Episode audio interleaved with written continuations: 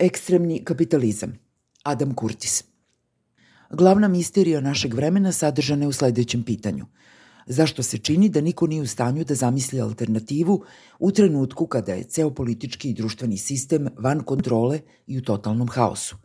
Umesto da isporuči dobar život koji je obećao, ekonomski sistem stvara haos i siromaštvo za milione ljudi.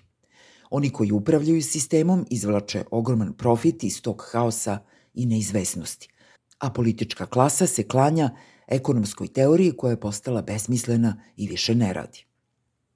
Upravo sam završio filmski serijal od sedam epizoda pod naslovom Rusija 1985-1999.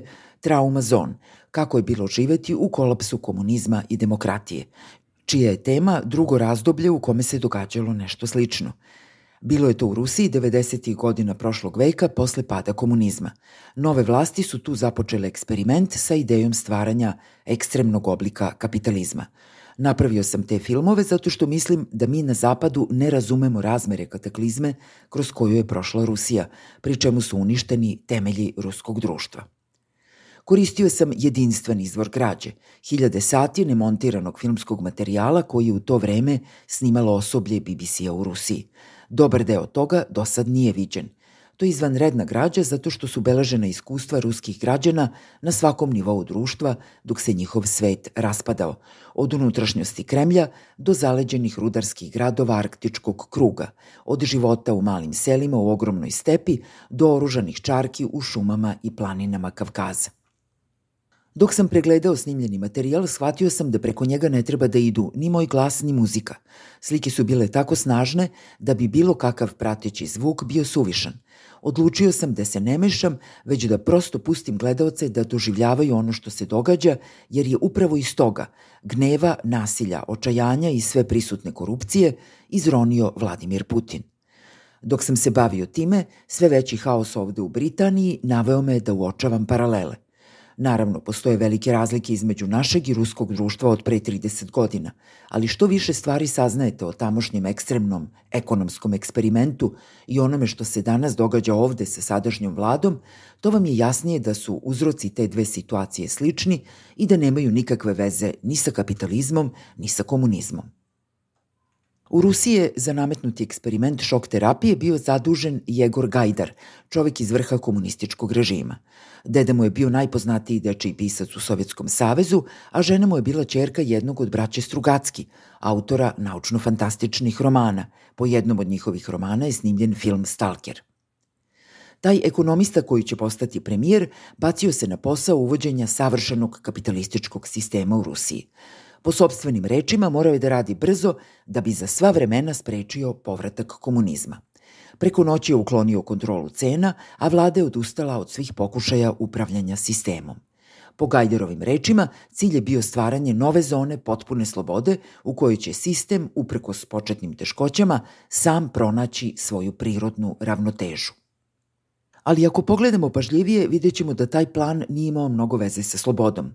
Bila je to zapravo iskrivljena vizija sveta, nalik mašini koju pokreću pseudonaučne ideje.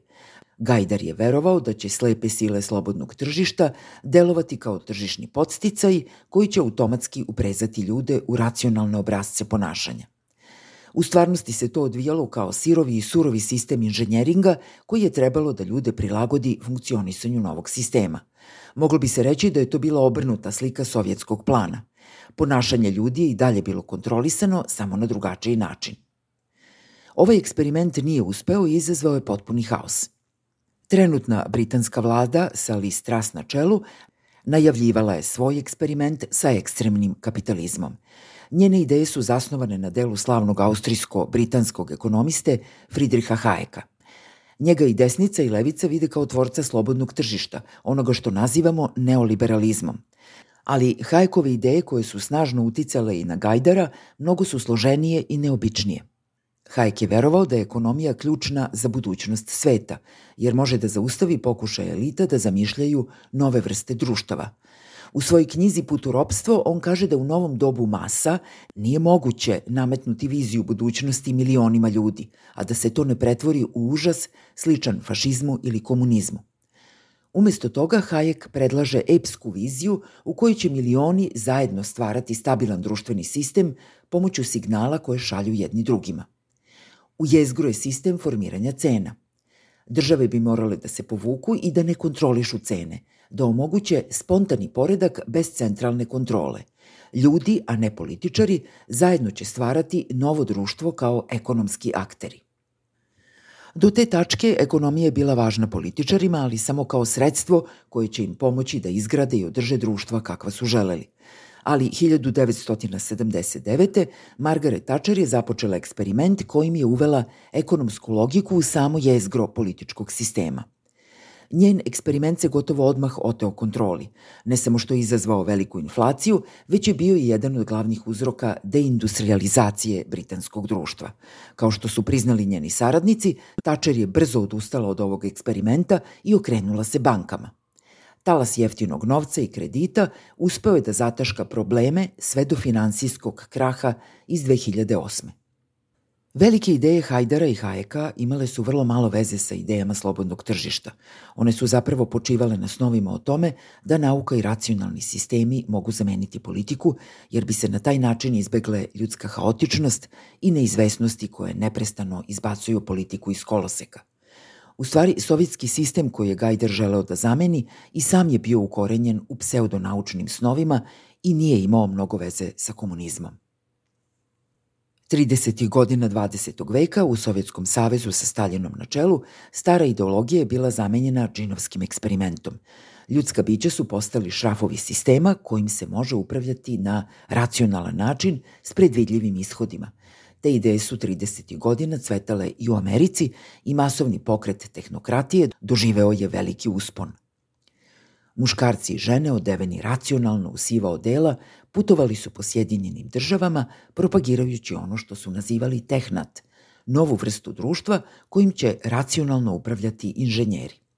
Jedan od njihovih uglednih članova bio je deda Ilona Maska – Svi ti pokreti bili su u stvari proizvod naopake, pogrešne ambicije nauke da prigrabi i naseli područje politike.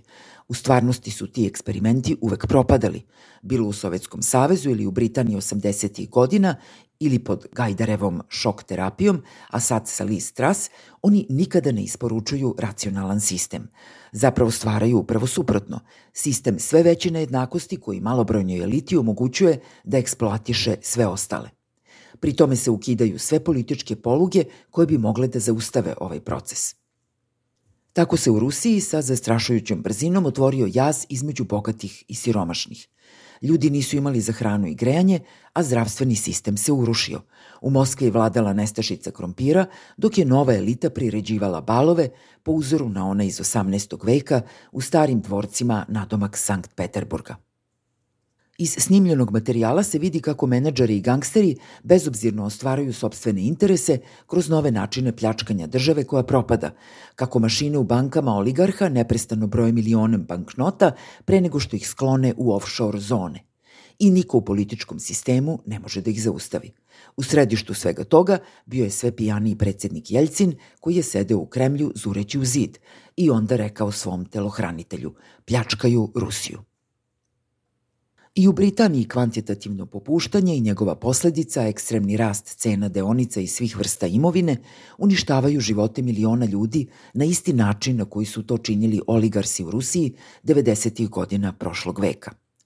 Sloboda koju nudi ta vrsta tehnata uvek je vrlo ograničena. Ljudi su samo šrafovi sistema, slobodni da rade šta hoće, ali samo u granicama ekonomske logike gvozdenog kaveza pseudonaučnih ekonomija, sveta u kome plešu ali uvek u lancima.